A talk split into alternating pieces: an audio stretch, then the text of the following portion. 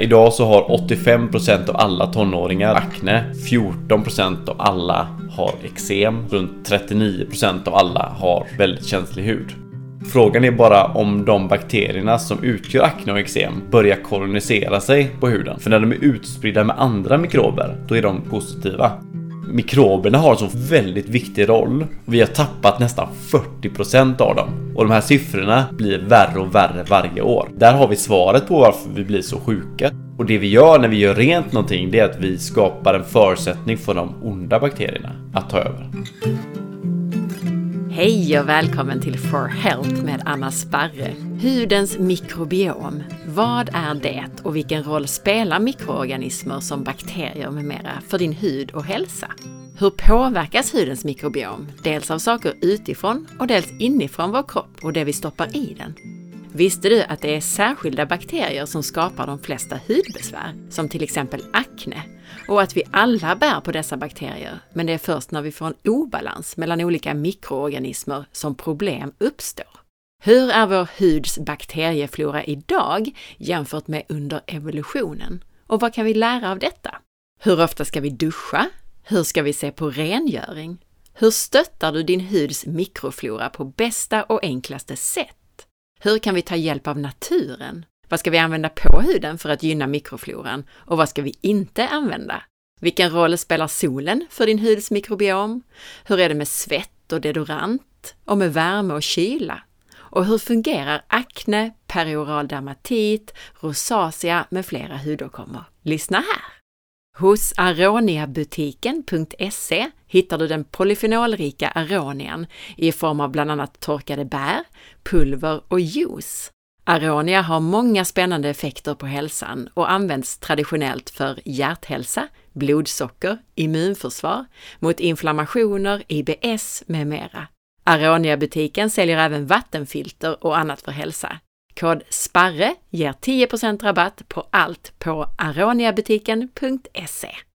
Supersymbiotics kosttillskott är en blandning av probiotiska bakterier och kostfibrer där fibrerna fungerar som matsäck till bakterierna på deras väg ner till tarmen. Om det och mycket annat lär du dig i podcastavsnitt 320. Super Symbiotics har skapats av professor Stig Bengmark och är baserade på 20 år av kliniska studier. Koden SPARRE10 ger 10% rabatt på Symbiotic om du beställer det på supersymbiotics.se.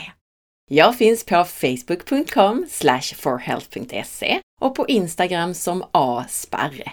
För att kunna producera en gratis podcast så behöver jag din hjälp att hålla den synlig. Gilla inläggen när de dyker upp i sociala medier och dela gärna med dig av avsnittet i en Facebookgrupp, på Instagram och till vänner. Och gå in och lämna din recension av podcasten i din podcastapp. Tusen tack! På forhealth.se kan du även anmäla dig till nyhetsbrevet som kommer ungefär en gång per månad. Välkommen till eh, Kåseberga, Kristoffer! Tack så mycket! Vad kul att ses på riktigt! Och vi har ju i avsnitt 330 pratat om huden och i 333 pratade vi om endokannabinoidsystemet. Yes. Och idag så ska vi prata om hudens mikrobiom. Ja, mm. exakt. Och många känner ju till nu för tiden det här med tarmflora och tarmens mikrobiom. Men det som inte riktigt alla känner till är ju att vi nu hittar mikrobiom i nästan alla delar av kroppen. Mm. Och huden verkar vara ett av de allra viktigaste. Det stämmer vi har ju en exceptionellt unik mikrobiell mångfald i vår kropp och i vår hud. Det första som man kan gå igenom och det man kan konstatera det är att vi är inte människor. De flesta människor går runt på stan och tycker att jag är människa. Men det är vi inte. Vi är mer mikrob, alltså vi är mer bakterie än vad vi är människa. För vi vi har mycket, mycket fler mikrobiella celler än vad vi har mänskliga celler. Och vi har någonstans runt 500 biljoner bakteriella eller mikrobiella celler. Och det här gör att det absolut viktigaste för vår hälsa och vår hudhälsa det är hur den mikrobiella mångfalden är på och i huden. Och mikrober Definitionen av mikrob, det är att man har en encellig organism. Så det är en cell som lever. Och det kan vara bakterier, det kan vara virus, det kan vara svampar, protista, arkeer. Men definitionen av mikrob är encellig organism. Men vi tar det från början, tycker jag. Absolut. Så först och främst, vad menar vi med mikrobiom? Vad är kroppens och hudens mikrobiom? Mikrobiomet är sammantaget alla våra mikrober på och i kroppen. Så mikrobiomet utgör hela bredda spektrat av mikrober på och i oss.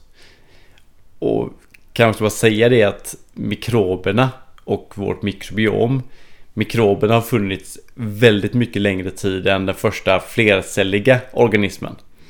Så att de här encelliga organismerna, de la grunden för allt liv. Allt flercelligt som vi har i världen idag, la mikroberna grunden för. Men vad består mikrobiomet av? Det består av bakterier, det består av virus, det består av protista, det består av arkeer och det består av svampar. Och den största beståndsdelen det är ju bakterierna. Det är den största mängden, eller rätt sagt största delen av hela vårt mikrobiom. Sen har vi virus som många har en rätt dålig association till. Säkert framförallt nu efter Corona. Och sen har vi då arkeer, protista och svamp. Så att den här mängden av olika organismer finns på och i oss och måste finnas där. Och de flesta de vet ju vad bakterier och virus är. Mm. Men vad är protista och arkeer? Protista är väldigt spännande för en protista är väldigt odefinierbar. En protista, det finns runt 20 000 olika protista. Och det här kan man egentligen säga definieras mer om vad det inte är än vad det faktiskt är. Så när någonting inte är ett djur eller en svamp eller en växt så kan det definieras som protista. Så det är ganska vag förklaring och vag definition av vad en protista är. Mm. Men är det ingenting annat så är det protista. Precis. Just det. Men så är det väl. Det är väl en väldigt bred grupp mm. och det kan vara allt från alger till någon form av svampliknande. Ja. Allt möjligt. Mm. Mm. Ofta, det är väldigt likt andra organismer men när det inte definieras som en annan organism så är det protista. Och som du sa, allt det här handlar om de här encelliga mm. Allting är encelligt. Mm. För en mikrob är per definition en encellig organism. Och sen eh, också arkeerna då? Arkeer. Mm. De fantastiska arkeerna. Arkeer är väldigt lika våra egna celler. Så att hudcellerna och våra celler i kroppen är väldigt lika arkeerna. Men skillnaden är att de har olika effekter i vår kropp och i vår hud. Man kan också säga att det skiljer typ 3 miljarder år i evolution mellan bakterier och arkeer. Så att en liten period mellan att de börjar existera. Och sen pratar man ju ofta i termer av bakteriefloran. Ja. Men om vi då tar till exempel virus, vilken roll har virus i kroppen och på utsidan? virus är jätte, jätteviktiga för vår kropp och för vår hud. Ehm, de flesta som vi nämnde där, de flesta har en negativ association till virus. För att när virus är dåliga så kan de skapa väldigt mycket oreda. Det kan vara allt från liksom pesten till nu senast Corona. Så att de har fått väldigt mycket negativ uppmärksamhet av media. Men de absolut flesta virusen är goda för oss. De flesta virusen har ingen negativ påverkan för vår kropp. Utan de har en positiv påverkan. Och det finns virus i antal är den absolut största delen av vår kroppsmikrobiella mångfald. Så det finns någonstans runt 350 biljoner virus i vår mänskliga kropp. Och jag läste en studie för några dagar sedan om eh, från University of vad var det? Pennsylvania. Där man då hade identifierat vissa virus som fanns i luftvägarna hos människor. Och tre av de här virusen de skapade typ tandlöshet och eh, luftvägsinflammation. Medan resterande 16 virus de hade en positiv påverkan. De minskade risken för att man skulle få en luftburen eller luftvägsinfektion. Så att virusen har fått en väldigt negativ bild ganska mycket i onödan faktiskt. Och när du säger att de minskar risken, är det lite på samma sätt som om man pratar bakterier i tarmfloran så är det lite som att de, the good guys, de håller undan the bad guys. Är det lite den effekten som även virus kan ha? Ja, exakt. Och nu börjar man göra behandlingar, jag tror det heter makrofager på svenska. Ja, absolut. Ja. Mm. Du känner till det såklart. Ja. Eh, och det, det man gör där då, det är att du i princip ser att Säg att man har en bakterie som skapar oreda. Då kan man använda vissa virus för att gå in och döda den bakterien. Så man kan använda virus som ett skydd mot onda bakterier. Så det är väldigt, väldigt häftigt. Virus är väldigt underskattade i deras positiva förmåga. Och vi har ett helt avsnitt om typ makrofager faktiskt. Det är bra. Som gjordes i samband med, det, det kom ett nobelpris eh, på det där för ett par år sedan. Så jag ska hänvisa till det i slutet av avsnittet tänkte jag. Kul! Om vi då kommer till vår hudhälsa. Ja. Vilken betydelse har mikroberna för hudens hälsa? De har jätte, jätte, jättestor betydelse. För i princip all form av inflammation och infektion styrs av din mikrobiella mångfald. Så att får vi akne eller eksem eller rosacea eller peroral dermatit så finns det ofta en bakomliggande faktor som är att vi inte har en tillräckligt hög mikrobiell mångfald. Det vill säga att vi har för få mikrober på huden. Exempelvis om man ser till akne så är den till största del beroende av att det finns en överpopulation av en bakterie som heter Cutibacterium acne. Den hette P. acne tidigare men 2016 bytte den namn för finsmakarna som lyssnar. Eh, annars har vi ju då Staphylococcus aureus exempelvis. Om den tar över ett område så kan vi få både akne och eksem och möjligtvis rosacea. Sen har vi candida som är en svamp som man ofta känner till från magen. Den tror man nu gör att vi också kan få periodal dermatit på huden. Så att de här mikroberna, de är väldigt betydelsefulla för att vi ska ha en frisk hud. Mm. Och är det lite som i tarmen där att de flesta av de här får förekomma, det är bara det att de ska hållas i schack av Exakt. andra bakterier. Helt rätt. Och andra mikrober ska jag säga. Alla människor, du som lyssnar, du, jag, alla går runt med exceptionellt mycket akne och eksem. Vi har akne och eksem allihopa. Frågan är bara om de bakterierna som utgör akne och eksem börjar kolonisera sig på huden. För när de är utspridda med andra mikrober så är det ingen fara alls. Då är de positiva. Det är först när de tar över ett område som vi får problem. Så att man har naturligt både aknebakterien och eksembakterien på huden. Men då är det ingen fara. Men det här med att eksem uppkommer som någonting inifrån då, tänker jag nu spontant. Mm. Alltså om vi äter någonting som, vi, som är jättedåligt för oss och vi får ett eksem. Är det på något sätt kopplat till hudens mikrobiom ändå? Mm. Mm. Nästan alla hudåkommor kommer ju till stor del inifrån. Så att det gäller eksem, det gäller akne, det gäller rosacea, vitiligo, periodal dermatit. Det mesta kommer inifrån. Och konsekvensen av det som händer inifrån kommer ungefär bli detsamma på huden. Så om vi går tillbaka till akne igen då. Akne består till stor del och beror till stor del på att du har en överpopulation av Cutibacterium acne. Cutibacterium acne äter vår, våra huds oljor om de är dålig kvalitet. Och så oljorna regleras i sin tur av talgkörtlarna som regleras av flera system. Bland annat då hur vi tar hand om vår kropp. Så om man går igenom någon form av hormonell förändring exempelvis så brukar det påverka talgkörtlarna som påverkar sebumet som påverkar att vi får en ökad population av den bakterien. Om vi stressar så kommer det påverka om vi äter för mycket halvbra mat, det vill säga processerad mat och liknande. Det finns massa faktorer. Men grund och botten blir att vi har en mångfald av mikrober som försvinner. Och det är inte bra.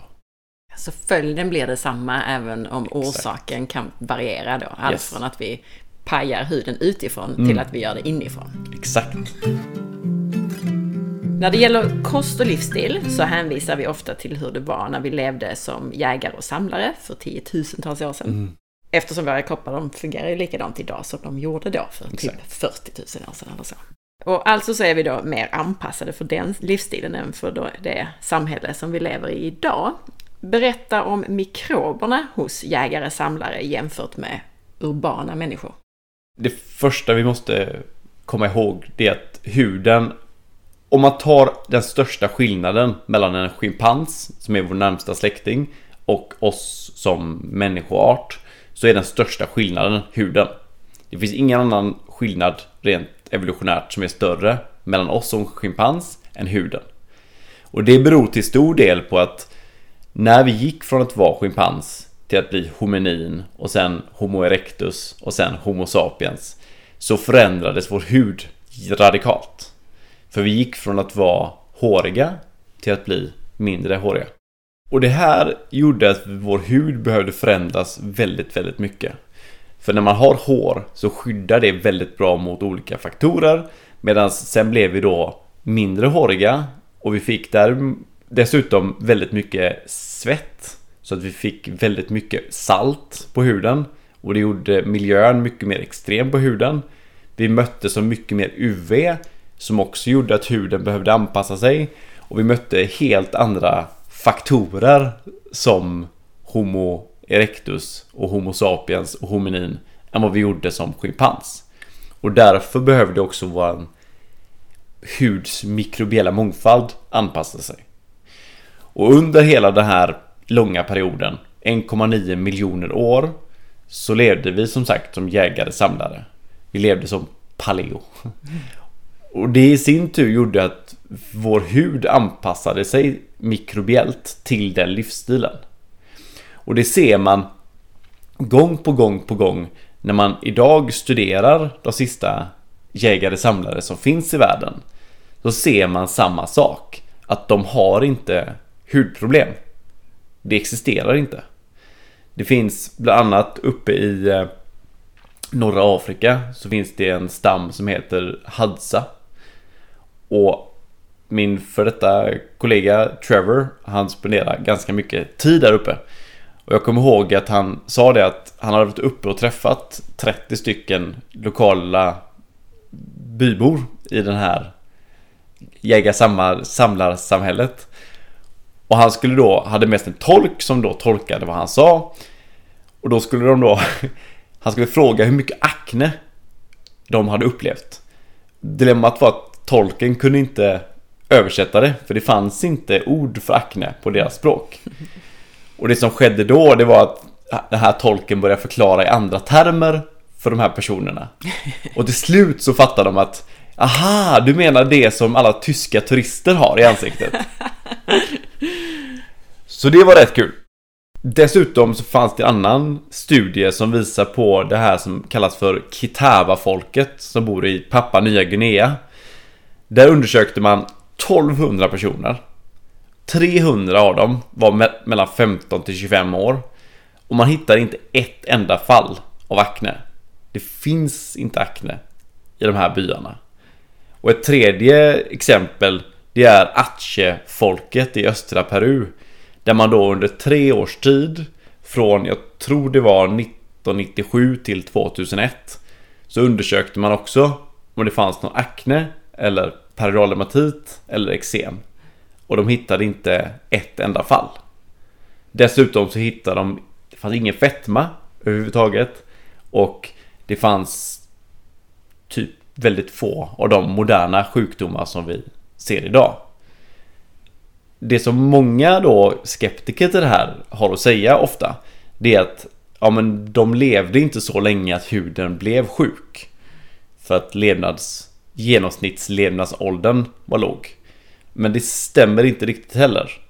För ja, rent krasst så hade de ett kortare levnadslängd. Men det handlar till stor del om att man hade en stor andel med barnadödlighet. Så om man klarar de första fem åren i livet så var medelåldern runt 70 år. Det var bara att eftersom du hade många barn som dog så blev ju också åldern, med genomsnittsåldern, lägre. Just när det gäller akne och eksem så är det ju inte heller någonting som man i regel får just när man blir gammal, utan det kommer ju ofta i tonåren. Mm. Så det känns ju inte heller som en sån här grej. Exakt. Men idag så har 85% av alla tonåringar i USA och Europa någon form av akne. Runt 14% av alla har eksem och någonstans runt 39% av alla har känslig eller väldigt känslig hud. Och det finns inte en chans, exempel, framförallt akne då, eftersom 85% av tonåringar har detta. Jag hade det själv när jag var yngre. Det finns inte en chans att evolutionen skulle få en grupp människor i sin mest fertila ålder att få prickar i hela ansiktet. Det är så himla himla dålig idé för evolutionen. För det hade varit bättre i så fall att få det typ på benen när man var 70 år. Men att få prickar i ansiktet när man är 15 Det sker inte av en slump. Och nu har du då förklarat alltså skillnaden på huden och hudsjukdomar mellan jägar-samlarfolk och urbana människor. Men hur vet man då vad skillnaden är i hudens mikrobiom? Man kan ganska lätt mäta det och det har man gjort. Man har studerat hur mycket eller hur många olika mikrober som en genomsnittlig jägare-samlare har och som har gjort samma studie på en västerlänning. Och man har någonstans insett att vi har tappat 36% av vår totala mikrobiella mångfald. Så 36% färre mikrober har vi i västvärlden jämförelsevis med en jägare-samlare. Och det här är helt galet. För mikroberna har en så väldigt viktig roll för vår hud och för vår hälsa. Och vi har tappat nästan 40% av dem mot vad vi evolutionärt sett ska ha. Och de här siffrorna blir värre och värre varje år. Och någonstans där har vi svaret på varför vi blir så sjuka till stor del. För vi tappar den mikrobiella mångfald som evolutionärt sett ska försvara oss mot diverse sjukdomar. Och det är jättebra att du säger det här, för det är ju applicerbart även på tarmflora och annat. Allt. Men varför då den här skillnaden som du beskriver mellan de jägare och samlare människor som vi har idag och som vi kan studera och oss som bor i städer i västvärlden. Vad är skillnaden som i vår livsstil som gör att vi har så mycket sämre mikrobiell mångfald jämfört med de här jägare och samlarna? Det är väldigt lite vi har gemensamt faktiskt. Men om man skulle konkretisera och göra några sådana här anledningar till hur vi är olika. Så kan man börja med kosten. Vi äter väldigt olikt en jägare-samlare. Och även om man är väldigt duktig på att äta bra mat så är det väldigt svårt idag, även om man bara går och eh, köper hälsosam kost, att faktiskt få den både mikrobiella mångfald vi fick från maten för att jorden är utarmad och det är, det är helt enkelt svårt att få tag på det. Nummer två, kejsarsnitt. Måste göra en disclaimer. Kejsarsnitt är fantastiskt när det räddar liv. Utmaningen med kejsarsnitt, det är att någonstans runt tre dagar innan förlossning så kommer mammans kropp att börja transformera sitt mikrobiella mångfald vid underlivet och i princip bara få lactobacillus. Man vet inte varför det sker, men det sker. Att vi får en helt annan flora i underlivet som kvinna när man är gravid. Eller rättare sagt tre dagar ungefär innan förlossning. Sen går vattnet och vi föds ut och under födseln så kastar mammans kropp bokstavligen lactobacillus och vissa mikrober på barnets hud. Barnet kommer ut och det här blir grundbulten, grundskyddet för barnets hälsa och hud.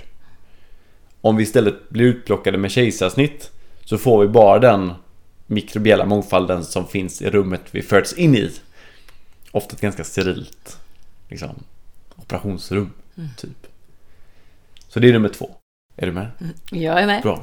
och vi har pratat om de här sakerna jag när vi pratat om, nej men eh, i andra, jag menar inte vi som Okej. du ja. men, men lite har vi nog. Men vi har pratat om, eh, vi har gjort avsnitt om tarmfloran och då har vi pratat om just de här faktorerna för tarmfloran. Så det är jättebra att du tar upp det här också. Lite repetition. Absolut. Och det är just med kejsarsnitt och den här viktiga, alltså barnet sväljer, både får på huden och sväljer Mm. i sig den här floran på vägen ut. Det man kan göra och som man gör på vissa ställen i USA, i alla fall inom funktionsmedicin, det är ju att när man föds med kejsarsnitt så tar man en svamp och sen svampar man mamman i underlivet. Och sen svampar man in hela bebisen, eh, hela huden och in i munnen och överallt. För att inte förlora det här Mm. viktiga första steget till att bygga barnets tarmflora och hudflora. Då. Ja, det är helt rätt. Det är inte det optimala lösningen, men det är en väldigt mycket bättre lösning än att bara låta det vara.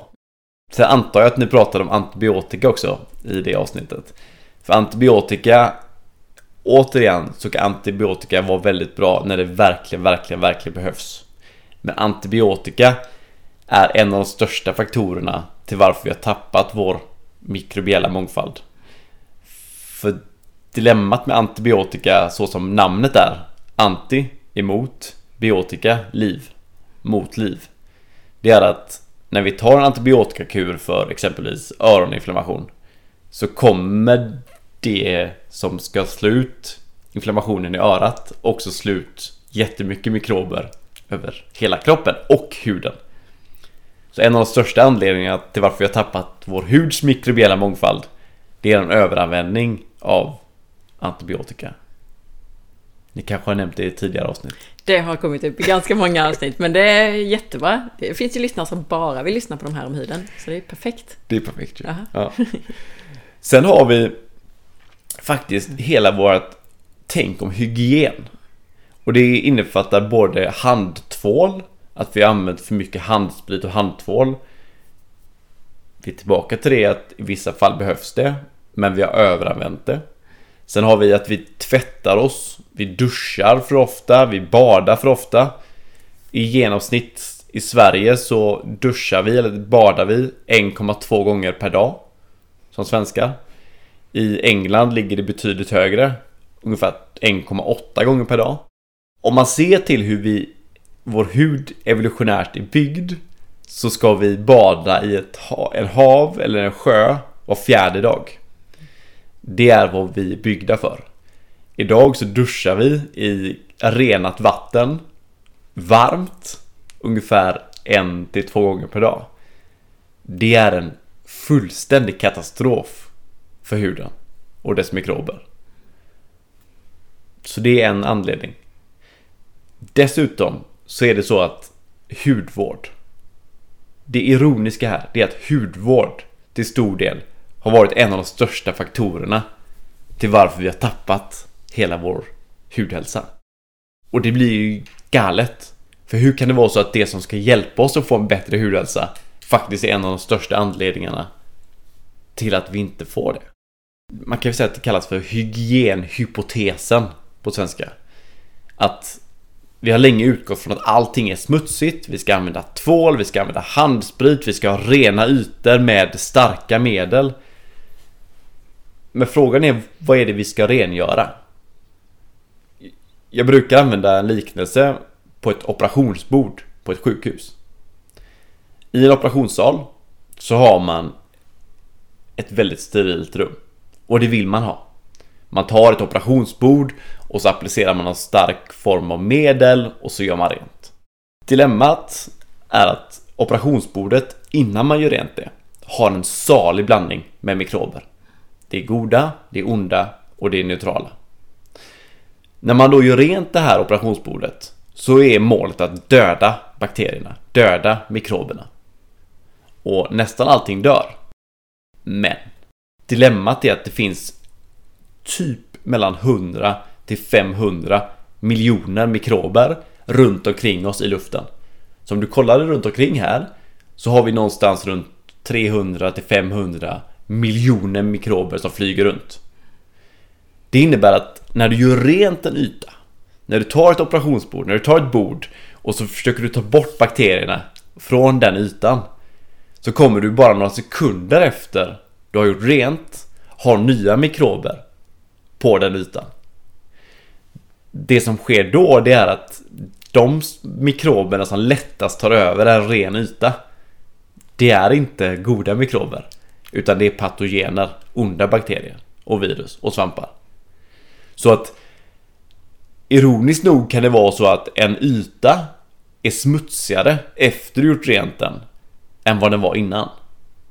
Och där måste vi tänka om. För 99,9% av alla mikrober som finns i vår värld är goda. Och det vi gör när vi gör rent någonting det är att vi skapar en förutsättning för de onda bakterierna att ta över. Och det är jätteintressant det här exemplet för att i ett annat avsnitt så tog jag upp det här att eh, Stig Bengmark som är en eh, känd forskare, svensk forskare inom tarmflora bland annat. Han gjorde ju den upptäckten, han jobbar ju inom kirurgi och då gjorde de den upptäckten att de gav ju förr, och ibland även nu idag, så gav de förebyggande antibiotika vid operation. Och då gjorde de ju så att ja, men, ja, de fick antibiotika för att förebygga att man fick någon komplikation i samband med kirurgin. Men en gång så hade de missat göra det, eller i några fall hade de missat göra det. Och sen såg man då i efterhand att faktiskt de där man hade missat ge antibiotika, de hade färre mm. infektioner än de som hade fått antibiotika. Och det beror ju exakt på det här att där utplanar man ju allt skydd så att där när det väl då får fäste så är det de dåliga som lättare får fäste efter att man har utplanat allt med antibiotika. Mm.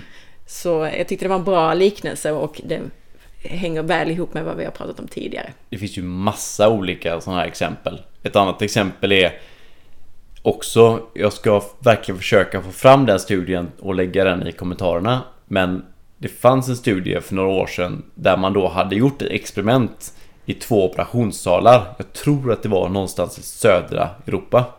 Där man istället för att gå rent, göra rent operationssalarna innan operation med väldigt starka preparat Istället gjorde rent dem med starka preparat Men direkt därefter bara sprayade rummet fullt med probiotika Goda bakterier och prebiotika Och det som hände då Det var att infektionsrisken Minskade med drastiskt mot de som har blivit opererade i ett rum som bara var steriliserat. Så att allting går att lösa. Allting kan vi förbättra möjligheterna till. Om vi bara tar hänsyn till kroppen och hudens egna funktioner. Jag tänkte på det här, eh, ja, dels när vi pratade om kejsarsnitt så finns det ju en annan viktig faktor där som hänger ihop med det tycker jag och det är det här med amningen. För det man också har sett är ju det att Precis, först ska bebisen få den här floran i förlossnings, förlossningskanalen och därefter när man ammar så i bröstmjölken så finns det exakt utformade molekyler som funkar som prebiotika, mm. alltså som ska mata den här floran sen. Eh, så det är så fantastiskt skapat och det går inte att ersätta det med bästa Eh, modersmjölksersättningen. Nej. Samma sak där, ibland går det inte att amma och då gör det inte det. Och då är det ju super att det finns ersättning. Men när det går så är det fantastiskt med amning och, och bröstmjölk. Exakt. Och en sista sak faktiskt som är, skulle säga att det är, om inte det viktigaste, anledningen till varför vi har tappat våra mikrober. Det är att vi har tappat vår förmåga att dela mikrober med naturen. Vi befinner oss inomhus så väldigt, väldigt mycket.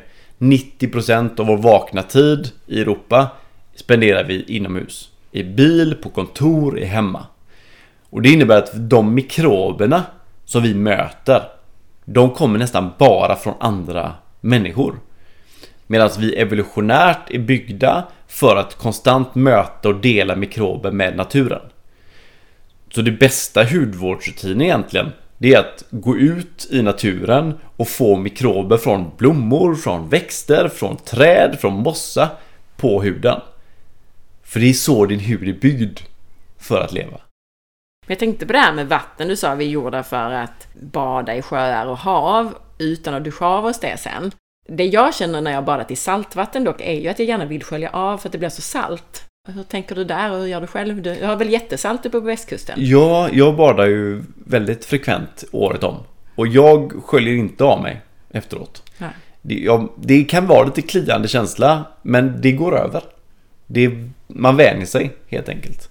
För om man nu ändå vill bada i havet eller i en sjö och sen skölja av sig efteråt så ska man göra det med ljummet eller kallt vatten. Det finns väldigt många vinterbadare som badar i havet och får de positiva hälsoeffekterna man kan få. Men sen går de hem och så tar de en varm dusch och då försvinner en stor del av de hälsoeffekterna vi får genom bad på huden. För om man duschar eller badar i väldigt varmt vatten så kommer vi att skölja av mycket av det som är viktigt för huden. Just det, och jag känner igen det. Jag badar året om här. Då, under sommarhalvåret så är det en dusch där nere, en iskall dusch som är igång. Och det är perfekt för då kan jag duscha av mig där i kallt vatten. Men problemet är ju när jag varit ute och surfat och så, så kommer man hem frusen, då vill man ju värma upp sig i duschen. så det är jättesvårt att duscha kallt när man redan är så vit om fingrarna och alldeles stelfrusen. Ja, nej men det, det är ju jättesvårt. Det är ett dilemma. Man liksom hägras ju, lockas ju av det här att faktiskt ha en varm dusch. För det är ju väldigt, väldigt skönt. Men från ett hudperspektiv så är det en dålig idé. Jag är också lite så Östersjön alltså. Den är, alltså du har ju lite renare vatten tänker jag på på västkusten. Östersjön Ja. är ju känd för att vara lite skitig. Så jag är lite så här, vill gärna duscha av mig lite grann. Det tror jag är en bra idé. Ja. Jag har ju som sagt privilegiet att bo på västkusten. Och vattenkvaliteten och mikroberna är fler där. Och bättre där än vad det är i Östersjön. Det är också en konsekvens som sker när man får saker att dö i en större mm, vattenmassa. Så blir inte konsekvenserna speciellt bra. Mångfalden tappas. Just det. Okej, men så det vi gör fel då, det är att vi är för renliga, ja, förutom då kejsarsnitt och amning och antibiotika där vi kan liksom tänka på lång sikt att vi ska vara medvetna om det, men det är kanske inget vi kan göra något åt imorgon för de flesta. Ehm, Men det är att vi ska inte vara så nitiskt renliga, vi ska inte använda så varmt vatten och vi ska vara mycket i naturen, både i vatten, hav och sjöar och liksom ute i skog och mark och trädgård och så. Exakt. Och sen det sista. Vi exponeras för för lite sol. Och det här är något av det mest kontroversiella man kan prata om inom just skönhetssektorn. Men, men vi, vi har för lite sol. Och jag tänkte, eftersom jag nu har liksom en publik som är lite öppen här nu, och öppensinnad, då tänkte jag dra lite statistik kring hudcancer kopplat till hur vi har levt. Ett av de största dilemmana hälsomässigt vi har idag i västvärlden, det är att vi har en brist på vitamin D. I USA så räknar man att har man mindre än 60 nanogram med vitamin D i blodet så har du en brist på vitamin D. Och det är någonstans runt 90% av alla amerikaner och även europeer som har den här bristen. Om man ser till en jägare-samlare så har de någonstans runt 369 nanogram vitamin D i blodet. Och de exponerar sig väldigt mycket för solen utan solskydd. Och det spelar ingen roll om man är i Afrika eller Sydamerika eller de, de få frivilliga jägare-semlare som finns i Europa. Men de har inte heller hudcancer. Det här ska inte tolkas som att man ska gå runt utan solskydd som svensk. För att det finns också en anledning till varför de här människorna kan klara sig utan solskydd. Och det är ju för att är man ute konstant så har huden lärt sig att hantera UV. Utmaningen är när man är inne 90% av sin vakna tid och sen går man ut en månad i juli och lägger sig på en strand. För det är inte vi evolutionärt sett byggda för. Vi kan också se till solskydd då. 1935, det var typ första gången man introducerade solskydd. Och då var max SPF som man kunde få tag på 2. Ganska lite faktiskt. 1940 så var det högsta SPF man kunde få tag på 4. Och sen senare 1980 så kunde man få tag på solskydd som var runt 25 SPF. 1935 så fick 2 av 100 000 personer någon form av hudcancer. Och idag så är det ungefär 16 gånger fler som får hudcancer. Så när vi sålde väldigt lite solskydd så hade två av 100 000 fick sol, hudcancer. Idag när vi har obegränsat med solskydd så har du en 16 gånger högre siffra. Och det är väldigt tveksamt om en person 1935 fick mindre solljus naturligt än vad vi fick. Eller vad vi får. Så om, om det är målet för solskyddstillverkarna att minska cancer så har de gjort ett exceptionellt dåligt jobb. Verkligen. Jag ska bara förtydliga, jag tror att alla vet vad SPF är, men det är ju det här som vi traditionellt kallar för solskyddsfaktor, alltså faktor 30 och faktor 50 och sånt som vi har idag då jämfört med det här som du sa, två. Två, exakt. Mm. Vilken roll spelar solen för hudens mikrobiella mångfald då? Om vi går tillbaka till det här med att vi har utvecklats under lång tid det som alla varelser i hela världen som lever på land har behövt anpassa sig till, det är UV. För alla varelser utsätts för på något sätt sol, om man inte bor längst ner i havets botten. Och det har gjort att vår hud har anpassat sig till den UV-mängd som vi möts av. Så det här tror jag vi pratade om i förra avsnittet, men en kort version är att Anledningen till att vi har mörk eller ljus hy beror till 86% på hur mycket UV vi möts av. Så en mörkhyad person som bor närmare ekvatorn och med mer UV Den personen har mörkare hy för att kunna utstå en större UV-strålning Medan i västvärlden och, eller norra Europa rättare sagt Så har vi en ljusare hy för att vi har mindre UV men istället så har vi en brist på vitamin D. Så för hudens mikrober så är det här superbra. För sol och UVA och UVB brukar missgynna patogener. Så den missgynnar, den dödar onda bakterier och gynnar de bakterierna som samverkar. Så om man är, det är därför många med exempelvis akne, om de exponerar sin hud för sol så brukar akne bli bättre. Och det är för att UVA och UVB är väldigt bra på att döda Cutibacterium acne som då är den bakterie som gör akne. Mm. Och det känner jag igen själv också. Får jag någon gång några så här prickar av något slag någonstans så är det ju på vinterhalvåret och så försvinner det så fort solen kommer fram igen. Mm. Sebum då? Har du kommit in på. Det har vi pratat om där i avsnitt 330 också. Hur hänger det ihop med hudens mikrobiom? Sebumet har ju länge setts vara en fiende. Det har varit det som man velat motverka. För man har insett att sebum kan mata och funka som mat för de bakterierna som utgör akne framförallt. Så sebumet har setts som en fiende och sebumet ska vi skrapa bort. Och det är det här som har varit fel i hela tänket i hudvårdsindustrin sedan hudvårdsindustrins begynnelse. För hela uppbyggnationen av hudvård har sett likadan ut. Först ska man rengöra bort sebumet. Så du använder en rengöring för att verkligen skrapa bort sebumet, oljorna. Sen så ska man använda en andra rengöring för att verkligen se till att allting är borta. Sen vill du lägga till oljor, ofta petrokemiska eller syntetiska oljor, som då ska ersätta de oljorna som du nyss tagit bort. Och sen använder man någon form av ingrediens eller ämne som gör att barriärfunktionen blir svagare så att oljorna kan penetrera. Och sen så lägger du på ett ämne som minskar risken att ditt immunsystem går bananas. Och för mig så blir jag helt tokig och galen på detta. För att sebumet har utvecklats med oss under 1,9 miljoner år evolution. Den tillverkar, vår hud tillverkar 19 gram olja per dag. Det motsvarar 7% av all vår energiåtgång. Så av allting vi äter så kommer 7% gå åt till att producera sebum, olja för huden. Så det finns bara i vår kropp. Det är helt unikt för oss människor. Det tar 7% av all vår energi för att producera och det har utvecklats under 1,9 miljoner år. Vad är oddsen att vi efter så lång tid ska behöva skrapa av det för att ersätta det med någonting som vi tror ska funka.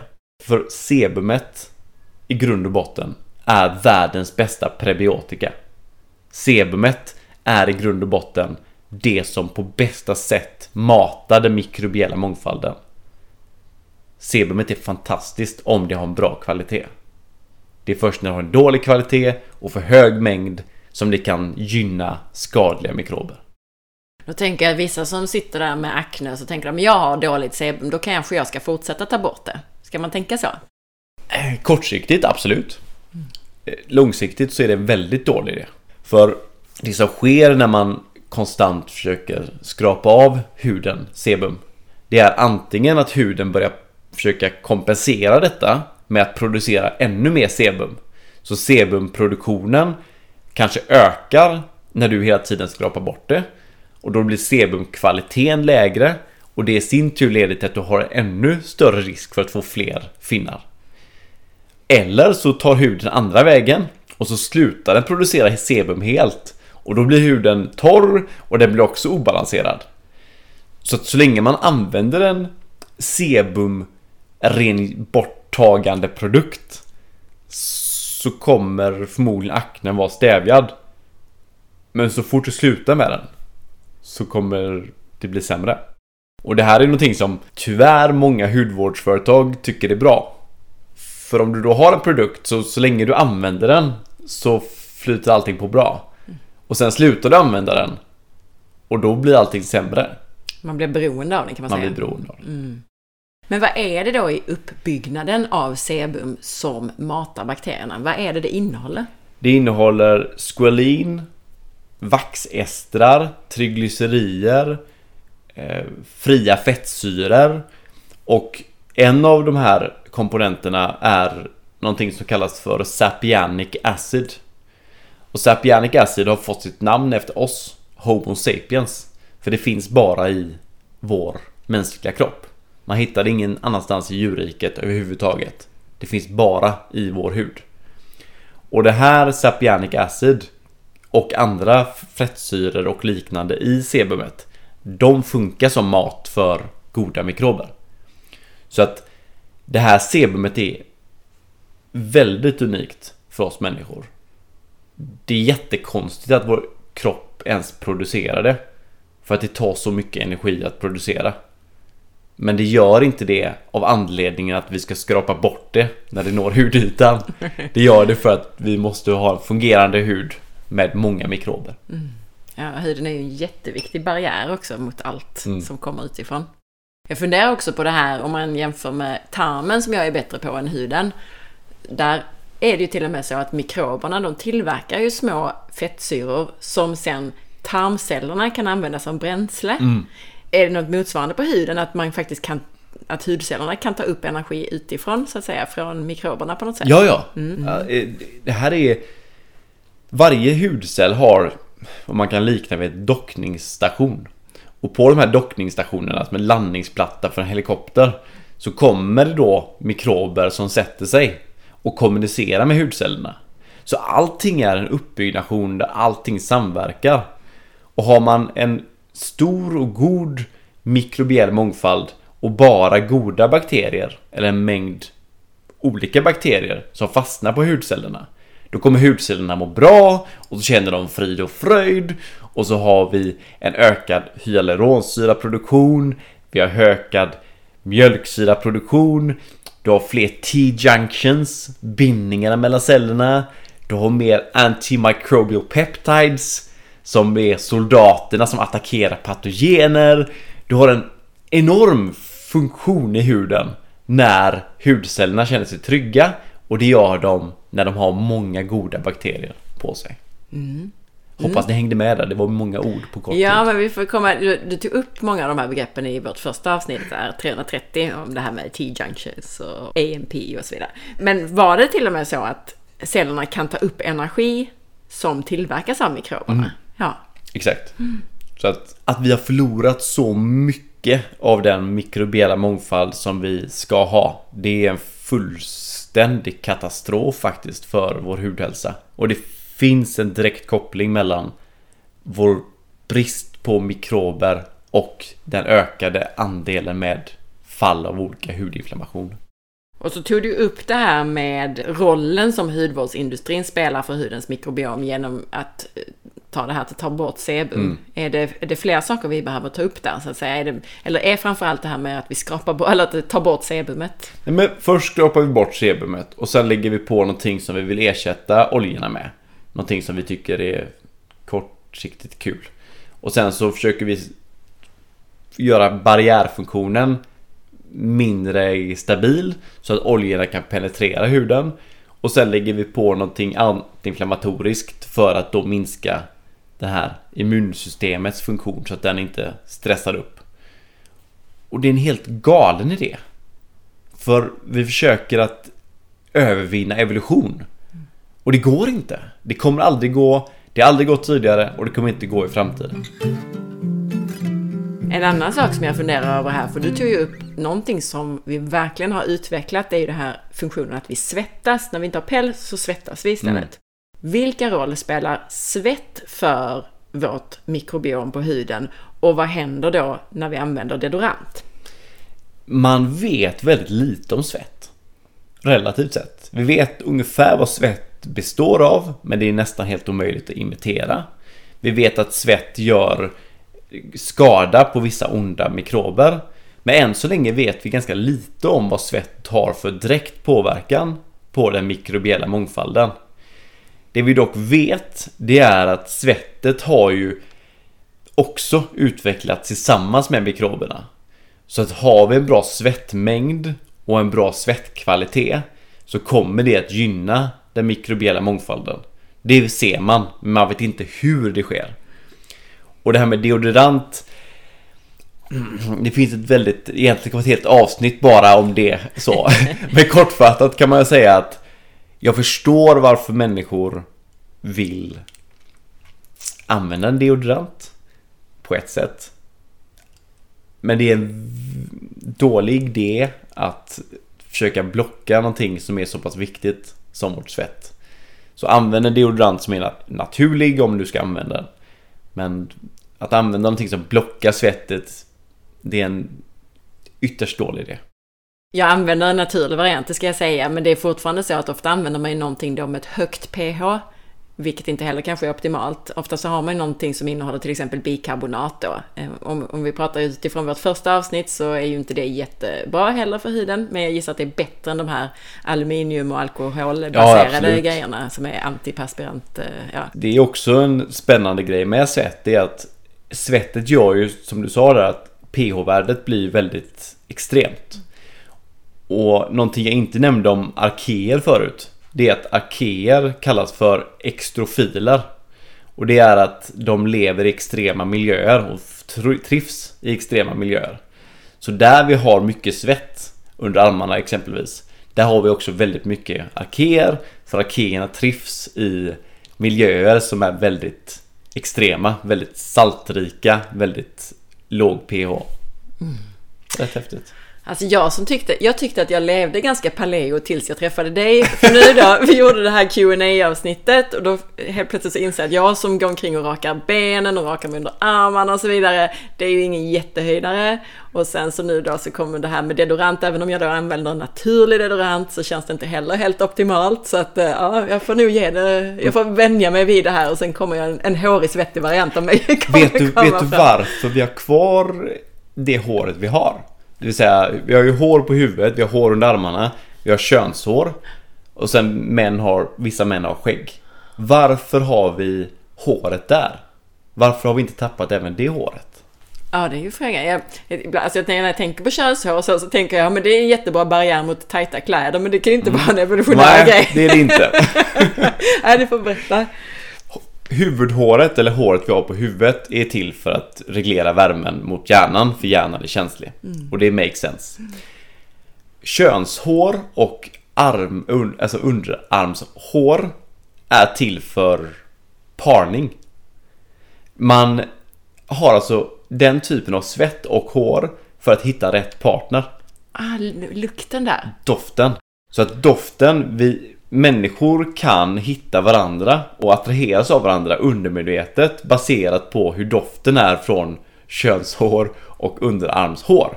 Det har ju också lett, nu kan man vara lite konspirationsteoretisk här och säga att när trenden börjar att man rakar sig, eller framförallt att kvinnor rakar sig under armarna och könshåret så kanske det har också ställt till det vissa problem när man letar efter partner. För att det finns liksom inte den aspekten längre utan nu är det något helt annat man måste ta hänsyn till. Men attraktion kan uppstå till stor del hur man doftar där. Men det är inte, alltså jag kände ju till det här med att vi väljer partner utifrån doft, men jag visste inte att just håret var till för det. Men det är ju precis, alltså man, man hittar ju en partner som då ska matcha en, ofta som har ett lite annorlunda immunförsvar än en själv för att man ska då få mm. avkommor som har ett optimalt immunförsvar som med alla aspekter. Men det där är ju, är ju verkligen jätteintressant och jag tycker själv faktiskt också att ju mer jag gått över till den här naturliga alltså naturlig hår och hudvård och inte använda massa parfymer och så, desto mer viktigare är det för mig att min partner, att jag känner den verkliga doften. Mm. Jag menar inte att man ska lukta jättemycket svett, men att man ändå, att det inte täcks ut av de här artificiella dofterna. Exakt. Det är mycket mer attraktivt för mig med någon form av naturlig doft. Mm. Skägg vet man inte varför det finns. Nej. det, det finns inget svar på varför jag har kvar det. Och sen har vi svettet på fötterna, också en intressant grej. Svett, desto äckligare ens fötter doftar, desto bättre fungerar de. Mm. För den bakterien, eller om det är en svamp, det är någon mikrob som finns specifikt under våra fötter för att när vi fick sår under fötterna, när vi gick barfota, då fick vi ju kvistar och liknande. Och den svampen tror jag att det är, den är väldigt bra på att läka småsår under fötterna. Och den har en väldigt dålig doft. Så att desto sämre våra fötter doftar, desto bättre funktion har den att läka sår. Men ett tillägg där då, det doftar ju oftast inte så mycket när vi går naturligt utan skor, vilket är eh, mycket bättre också för ja, våra fötter. Så exakt. Att, ja. nu kommer vi ju in då på vad som händer om hudens mikrobiom är ur balans. Alltså mm. vi pratar om att vissa bakteriesorter kan ta över så att till exempel de då som gör att vi utvecklar akne eller utvecklar eksem och så vidare. Är det någonting annat vi ska säga där, alltså om vad konsekvensen är av att vi inte har en god mikroflora på huden? Jag gillar att använda liknelser som ni kanske har fattat de andra två avsnitten. Men jag kan faktiskt dra en liknelse som jag eh, reflekterade över igår. Jag ska ge ett tips också på en dokumentär som jag tycker alla människor i hela världen bör se. Men den heter A Life on Our Planet med David Attenborough. Den finns på Netflix. Och jag såg om den här dokumentären för femte gången igår. Och det, varje gång jag ser den så kan man göra nya reflektioner. Och den största reflektionen jag har gjort Det är just att Vi har tappat Vår mikrobiella mångfald och mångfald i naturen, biologiska mångfald i hela världen. Idag så är det bara 4% av hela alla djur som lever som är mångfalden. Resterande är människor, höns och kor i princip. 4% är kvar. Så på bara ungefär 50-60 år så har vi gått och totalt eliminerat i princip alla djurarter. Vi har skövlat skogen, vi har gjort om det till åkermark.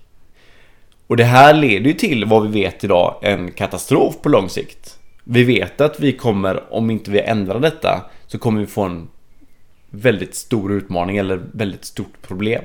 Och det som sker här, det är att hade vi förstått vad det hade inneburit om vi hade gjort det här mot jorden för många år sedan så hade vi kunnat förhindra det och kanske sakta den processen.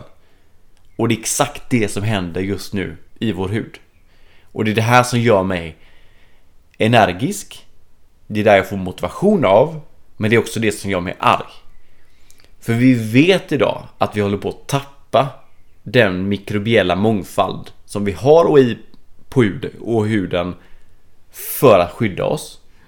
Vi vet idag att det finns många sätt som vi behandlar huden idag som gör det negativt. Vi vet också om idag att en stor del av varför vi tappar de här mikroberna är på grund av hudvårdsindustrin. Och ändå så är det business as usual. Ändå så är det väldigt lite som sker. För vi kommer, om det här fortsätter, att ha jätteproblem med våran hud på sikt. Vi kommer få mycket fler fall av akne. Akne kommer att gå i flera olika åldersgrupper. Eksem kommer att explodera ännu mer. Känslig hud kommer att explodera ännu mer. Det som händer och har hänt på jorden när vi bara har 4% av den biologiska mångfalden av djurriket kvar kommer också ske på och i vår hud. Och vi måste se till att stoppa det. För det är på riktigt dåligt för mänskligheten. Hur fungerar det nu? Alltså för du pratar ju om det, att allting hänger samman. Ja. Mm. Berätta lite mer om det. Vi ska ta ytterligare ett exempel. Vi har då sebumet som vi pratade om nyligen. Sebumet produceras av talgkörtlarna. Och talgkörtlarna styrs av flera olika funktioner. Bland annat endokannabinoidsystemet som vi har pratat om vid tidigare avsnitt. Men endokannabinoidsystemet styr talgkörtlarna som i sin tur styr vilken sebumkvalitet och sebummängd som ska produceras. Sebummängden och sebumkvaliteten styr den mikrobiella mångfalden. Den mikrobiella mångfalden styr hur stor risk vi har för att få en hudinflammation.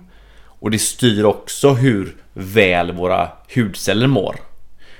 Och hudcellerna har som funktion att producera fukt i form av hyaluronsyra, mjölksyra, fett. Den ska, de ska producera T-junctions, de ska producera antimikrobiella peptider, de ska reglera vårt immunsystem i huden. Så att sebum endokannabinoidsystemet reglerar tallkörtlarna, som reglerar sebumproduktionen som reglerar den mikrobiella mångfalden som reglerar hudcellerna som i sin tur reglerar alla funktioner i vår hud. Och det här är ett känsligt ekosystem. Och så länge vi tar hand om det på rätt sätt så kommer huden klara sig galant själv. Men det är först när vi stör ut något av de här stegen. Vi lägger på någonting som vi tror ska ha en påverkan på hudcellerna. Men som stör ut talgkörtlarnas funktion. Och det kanske sker jättefina grejer med hudcellerna kortsiktigt. Men konsekvensen blir att talgkörtlarna tappar funktion. Och det kommer skapa oreda. Och plötsligt så står du i mycket större risk att få en hudinflammation eller känslig hud. Allting hänger samman. Ja, och precis i det här du säger så kommer ditt citat in som du har sagt i tidigare avsnitt. Den bästa hudvården är ingen hudvård alls. Och det är ju att man inte alls lägger sig i och stör det här, eller hur? Exakt. Den bästa hudvården, by far, det är att återgå till ett liv som jägare samlare. Men det är väldigt få som vill göra den uppoffringen tyvärr. Mm. Det är väldigt få som vill flytta ut till en hydda i skogen och bara äta svampar var fjärde dag liksom. Men den näst bästa hudvården det är ju att då försöka ta hand om det här ekosystemet utan att rubba det. Just det. Och vi ska komma tillbaka till det ännu mer innan vi avslutar sen. Men jag tänkte, nu har jag tagit upp, vi tog ju upp det lite grann i vårt första avsnitt där, 330, men kort ändå, berätta vad är T-junctions och vad är de här AMP?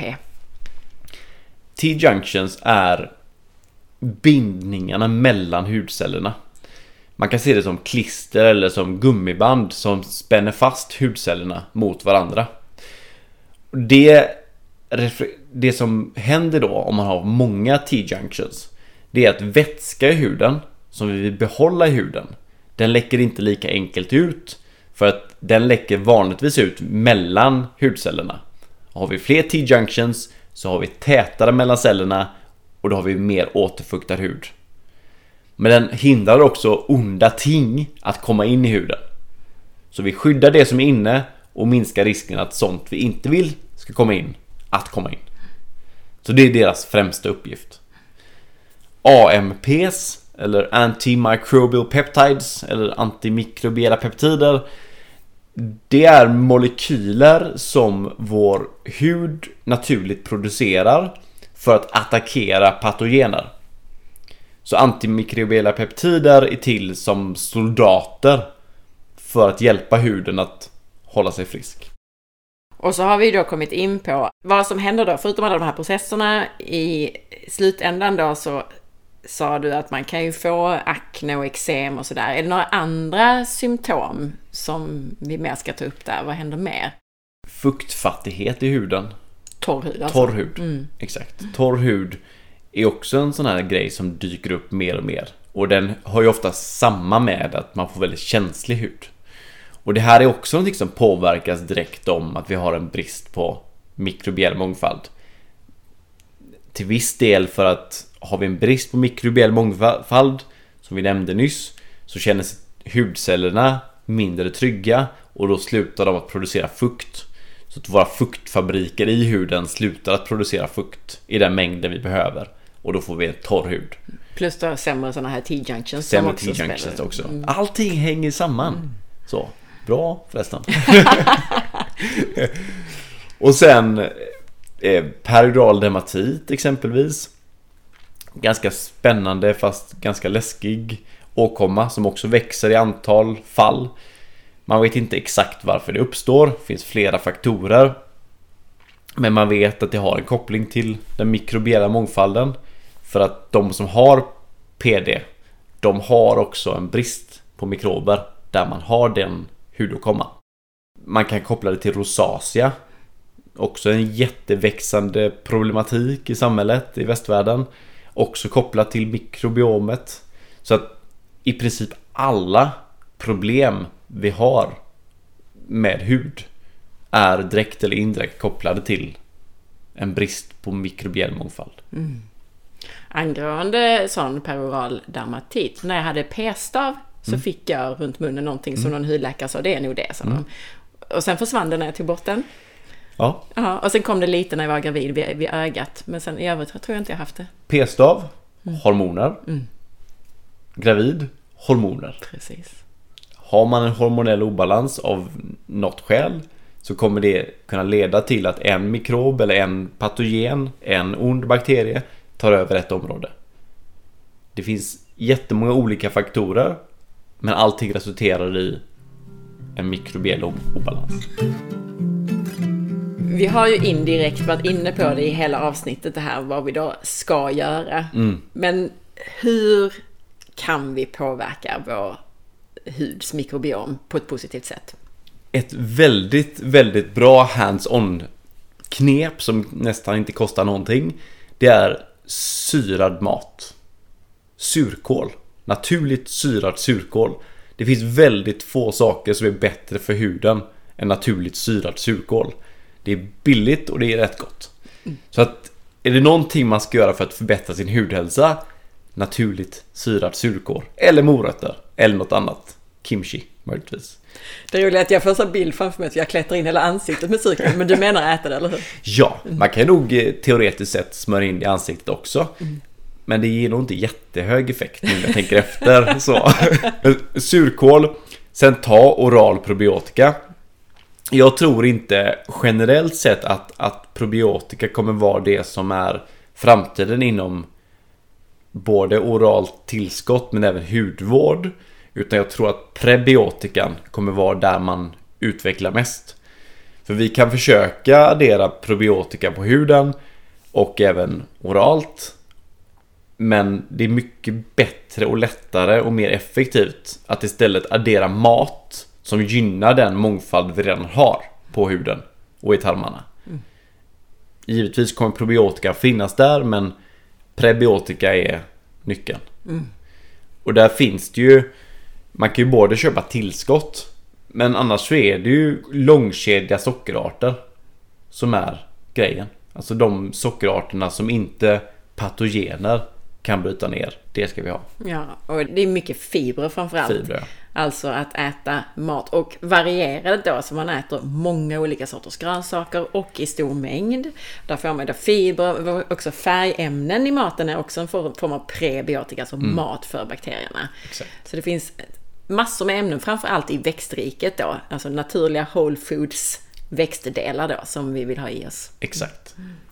Tänk att ni lever på savannen. Liksom. Det är svårt att tänka sig men ät mångfald.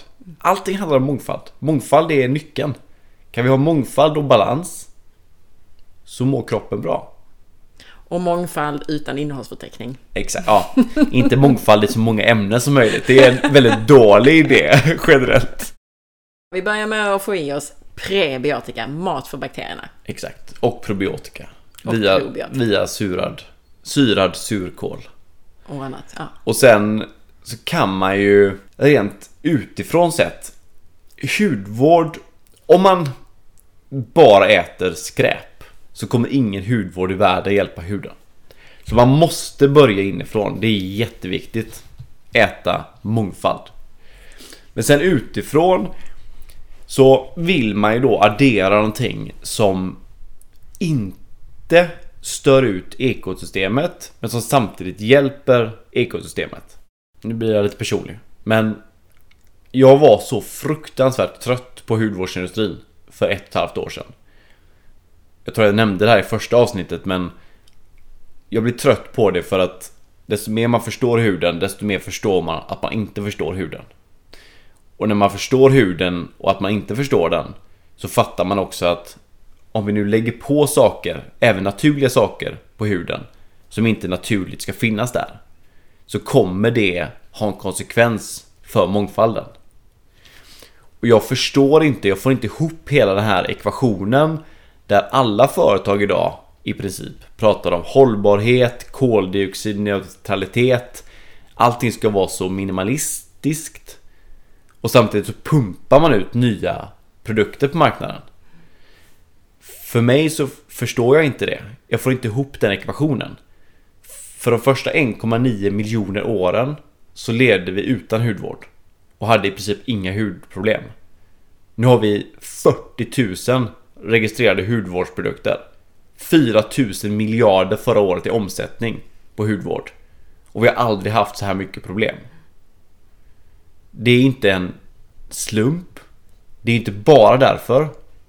Men det har en, en orsak. Så att det du vill lägga på huden, det är sånt som du verkligen inte... Du vill inte lägga på sånt som inte redan finns på huden.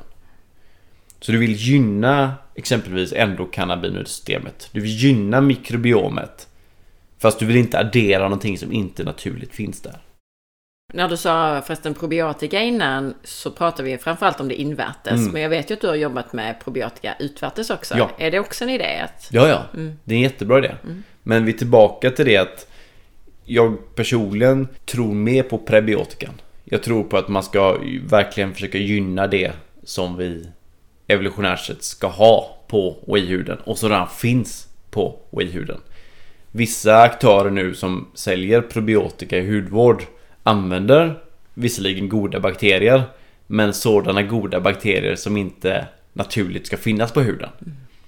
Och jag vet att förra avsnittet så drog exempel med det här med eh, The Wolves of the Yellowstone Park. Att vi måste ha en...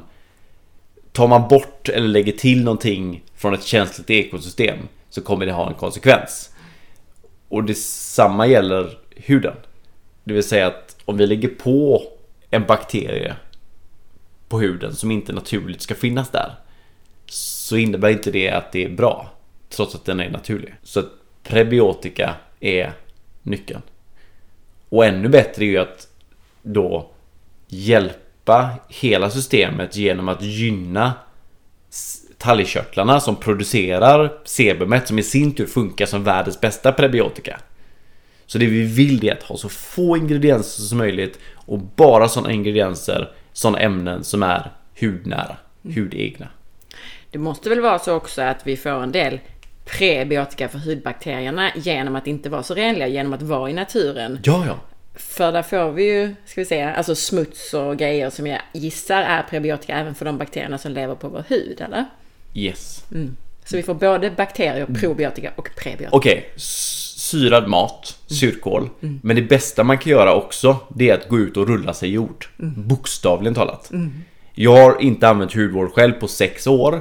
För jag ogillar hudvård, även våra egna produkter. Det jag försöker göra istället, det är att jag försöker få huden att återgå till den funktion som den är byggd för. Så jag tar jord i ansiktet var tredje dag. Så jag besöker olika skogspartier och tar jord i ansiktet. Och sen badar jag någonstans varannan, var tredje dag i havet. Och när jag gör det så får jag den mikrobiella mångfald som vi ska ha. Mm. Och det i sin tur gör att jag inte behöver använda hudvård. Så det är helt gratis nästan. Mm. Men du, tar du bara jord i ansiktet eller går du ut och... Nej, alltså jag, jag har inte kommit så långt att göra det som en jordmask för kroppen ännu. Nej. Det kanske är nästa grej. Så. Ja. Men vad gör du sen? Alltså hur länge har du den? Jag brukar ha den inte mer än två minuter.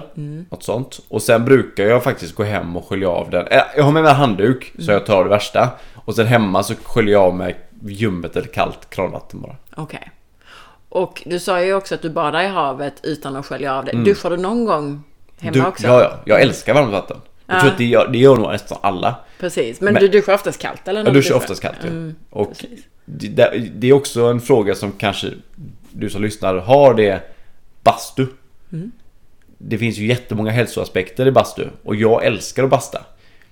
Nackdelen är med bastu att när man då går ur bastun då har ju sebumet smält och sen går du in i en dusch och så duschar du varmt. Och det som sker då det är att sebumet har smält i bastun och sen rinner det bara rakt av dig ner i golvbrunnen. Och samtidigt så tvättar du av mikroberna. Det du ska göra efter bastu det är att antingen hoppa i en sjö eller havet eller möjligtvis då i sista fall duscha ljummet eller kallt.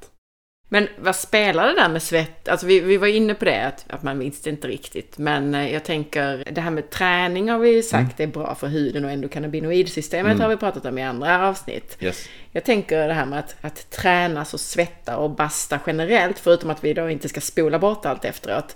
Är det bra? Ja, ja. Vi, vi, vi ska tvättas.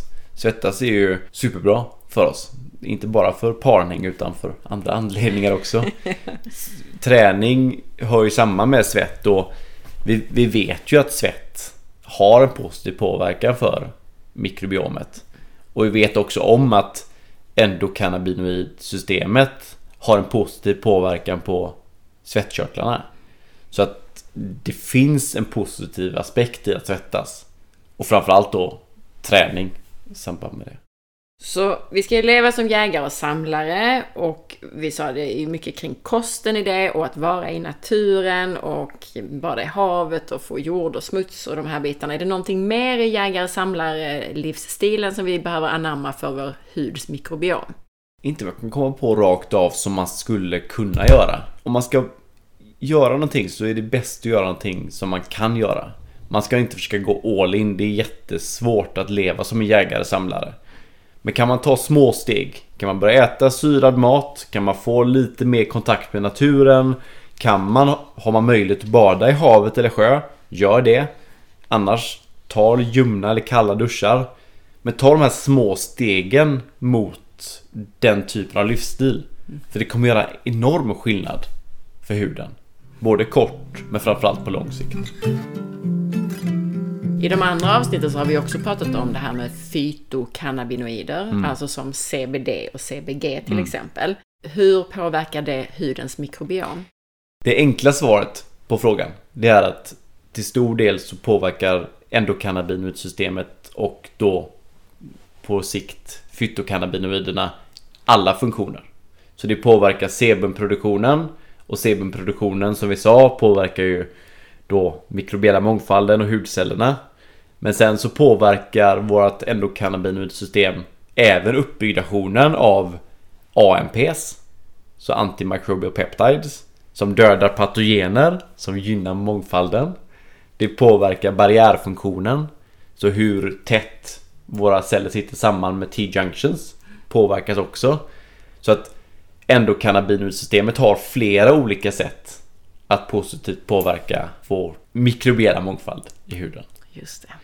Och återigen där, ju mer vi kan leva som jägare-samlare, ju mindre behov har vi av att tillsätta de här cannabinoiderna. Exakt. För där pratar vi också om att vi kan ju gynna vårt endokannabinoidsystem genom att leva som jägare-samlare. Ja. Och då behöver vi mindre av det. Men om vi lever som i västvärlden så har vi oftast för lite sådana här cannabinoider och kan gynnas av Ja, fyto. Mi- mitt mål är att ingen ska använda hudvård alls. Mitt mål är att ingen ska använda mina produkter. Men vi kommer inte komma dit, för det går inte. För då hade alla behövt leva som jägare samlare. Jag kom tillbaka till hudvårdsindustrin för att jag ville skapa en bra hudhälsa med så få produkter som möjligt. Jag vill ha så få ingredienser som möjligt som bara är hudegna och som hjälper mångfalden. Vi började med en olja. en olja som innehöll 10% CBD, 0,2% CBG i en MCT-olja. Vi producerade den, sålde runt 2000 stycken och så var jag väldigt noggrann med att följa upp. Så jag var väldigt noggrann med att ringa runt, inte till alla men en stor del av kunderna och höra vad de tyckte om den.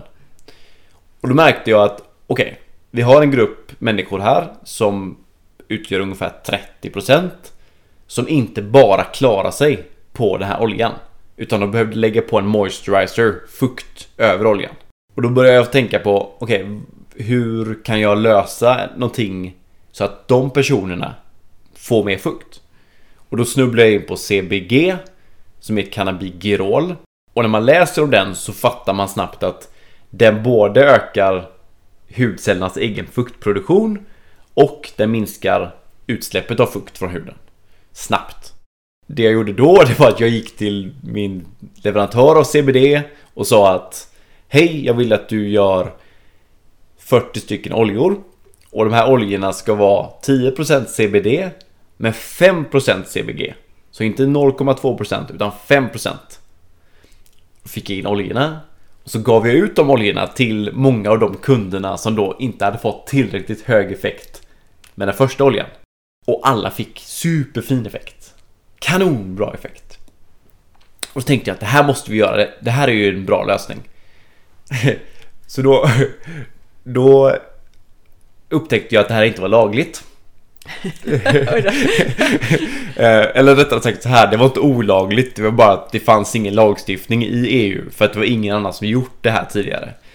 Men då ville jag göra det lagligt. Så då kontaktade jag ett annat nederländskt bolag som är specialiserade på cannabis och lagstiftning. Och sa att hej, jag vill producera en hudvårdsprodukt som har 10% CBD och 5% CBG. Och då sa de att nej, det går inte för det är inte lagligt. Och då, sa jag att men det måste gå. För det här är för bra för att inte... Så ni får testa. Så då, då började de att eh, liksom, jobba med att få det här lagligt. Och när jag väl fick någon indikation från dem att det här kanske går. Då tänkte jag att jag måste beställa sådana här oljor. För jag vill gärna lansera den här produkten i samband med att jag släpper en fantastisk podd med Anna Sparre. Så jag tänkte att om jag beställer de här oljorna nu så hoppas jag att de är lagliga innan dess att jag släpper den här podden. Och det här var förra lördagen. I lördags. I lördags släppte vi. vi släppte, ja. ja. nu spelar vi in detta långt i förväg så det blir ja. lite konstigt sen när de lyssnar. Ja. Okej. Okay. Oavsett vad så var det så att jag ville släppa den här oljan då en viss specifik dag. Beställde in oljorna och tre dagar innan lansering så får jag ett mail från det bolaget som säger att vi är godkända enligt EU. Mm. Så nu kan vi äntligen sälja en olja som faktiskt innehåller en hög halt CBG som i sin tur gör att vår hud får mycket fukt väldigt snabbt. Men jag blir nyfiken här, det här med att det inte gjorde, var möjligt att göra den laglig, betyder det att man hade fått med för mycket THC? Nej, nej. Något sånt där? Det handlar bara om att det, det fanns ingen lagstiftning kring hur mycket CBG man fick ha i en kosmetisk produkt. Mm -hmm. För i, i, orala droppar så är det väldigt tydlig lagstiftning kring hur mycket man får använda av olika cannabinoider. Mm. Men just i kosmetika eller hudvård så är det typ väldigt få som jobbar med stora höga procentsatser cannabinoider. Ofta för att det är för dyrt. Mm. Och därför så fanns det ingen, det fanns ingen praxis. Och när det inte finns en lagstiftning så är det, även fast det inte är olagligt, så är det inte tillåtet. Så det vi gjorde var att vi ansökte om att få tillåtelse att göra detta. Och då fick vi det. Så vi ska leva som jägare och samlare, vi ska äta bra mat, vi ska träna och svettas utan att liksom förstöra det med någon så här inom citationstecken då konventionell hudvård, kemiska produkter annars. Yes. Eh, behöver vi så kan vi då lägga till en så naturlig olja som möjligt. Till exempel den som du då har mm. utvecklat utifrån hela det här tänket får man ju säga då. Ja. Mm. Är det någonting annat som vi kan göra för vår huds mikrobiom? Om man gör det, man kan göra massa saker, men om man gör det du nu sa i måttliga mängder mm. så kommer huden må bättre. Jo, man kan dricka mycket mer vatten. Vi borde få i oss runt, det är lite olika mellan kvinnor och män, men någonstans runt 3 liter vatten per dag. Och det är ganska många som slarvar med vattenintaget. Det beror ju också på, jag själv äter väldigt höga mängder grönsaker, där får Mm. jag mycket vätska ifrån. Exakt. Och jag dricker inte så mycket vätskedrivande drycker. Jag menar, dricker man då kaffe Mm. eller svart te och så som ökar eh, urinutsöndringen så behöver vi mer vätska. Tränar vi mycket behöver vi mer vätska. Äter vi mer processad mat så behöver vi mer vätska eh, och mindre grönsaker. Och så så det, det, det är såklart individuellt, Ja. även om det kan vara en bra riktlinje. Jag, jag tror precis som du säger att de flesta dricker nog för lite. Ja. Och du måste få i dig tillräckligt mycket vatten för att få mer återfuktad hud. Mm. Precis. Jag tänker också så här, vi har ju mycket, vi har hela lymfsystemet och allting, allt det där har vätska som påverkar huden. Aha. Allt hör samman. Är det någonting mer som du, nu summerade jag ju lite, men är det någonting som du vill summera kring dina bästa konkreta tips? Eller känns det som att vi har gjort det? Vi måste bara bli fler som, som vågar ifrågasätta och vågar ta tag i det här. Och våga prata om och kommunicera att det vi gör med vårt skönhetsideal och det vi gör, hur vi behandlar huden, hur vi gör när vi försöker att motverka och gå emot vår evolution är helt fel. Det finns så mycket krafter, det finns så mycket pengar och det finns så mycket makt som bygger på hudvårdsindustrin, på skönhetsindustrin. Och det finns väldigt stora incitament för många aktörer att inte få det här att komma ut, att hindra spridningen av det här och den här kunskapen. För kan vi få ut det, då kan vi validera användandet av icke patenterbar växtbaserad medicin. Och kan vi göra det så kan vi faktiskt börja leva på ett mer hälsosamt sätt, mer hållbart sätt, med bättre mångfald både i naturen och i vår kropp. Men det finns väldigt få incitament för väldigt många och väldigt få muskler relativt sett att sprida budskapet. Så vi måste bli fler som pratar om detta. För det är viktigt på riktigt. Det har hänt väldigt mycket sedan vi spelade in den här podcasten. När man försöker utmana en gigantisk bransch så finns det alltid aktörer som gör allt i sin makt för att stoppa den utvecklingen som går emot deras koncept. Det är vad som har hänt oss. Sen vi spelade in podcasten så har vi blivit påtvingade att byta vårt varumärkesnamn av en stor gigantisk hudvårdsdrake. Vårt nya varumärkesnamn är 1753 Skincare. Detta namnet är en direkt hyllning till den svenska botanikern Carl von Linné och växten Cannabis sativa. Detta då Carl von Linné namngav Cannabis sativa år 1753. För att hylla den här namnbytet och hylla att vi är på väg åt rätt håll så ger vi dig som lyssnar ett väldigt bra erbjudande. Om du anger koden ANNA på vår nya hemsida www.1753skincare.com så får du just nu 25% rabatt på vår enastående ansiktsolja I Love Facial Oil. Tack så jättemycket för att du har lyssnat på podden och tack för att du stödjer oss i resan mot en bättre hudvårdsindustri. Bakteriofager, det vill säga de virus som slukar bakterier, hittar du i avsnitt 199. Frisk med virus, svamp och bakterier. Och vill du veta mer om makrofager så lyssna på mina avsnitt om immunförsvaret, Så funkar det. Avsnitt 279 till 281. Syra och fermentera lär du dig bland annat i avsnitt 105 med Jenny Neikell och 133 Syra och fermentera på 5 minuter. Tarmfloran lär du dig om i många avsnitt. Ett av de nyare är 320, men lyssna gärna även på detta viktiga ämne i avsnitt 44, 46, 51, 80, 109, 128, 134, 135, 137 och 199. Spana in forhealth.se podcastregister om du inte hängde med i alla hänvisningar. På nyttoteket.se får du hela 20% rabatt på allt med koden SPARRE20. Jag använder själv bland annat bärpulver, C8 och MCT-olja från Nyttoteket. Och de har även kollagen och benbuljong.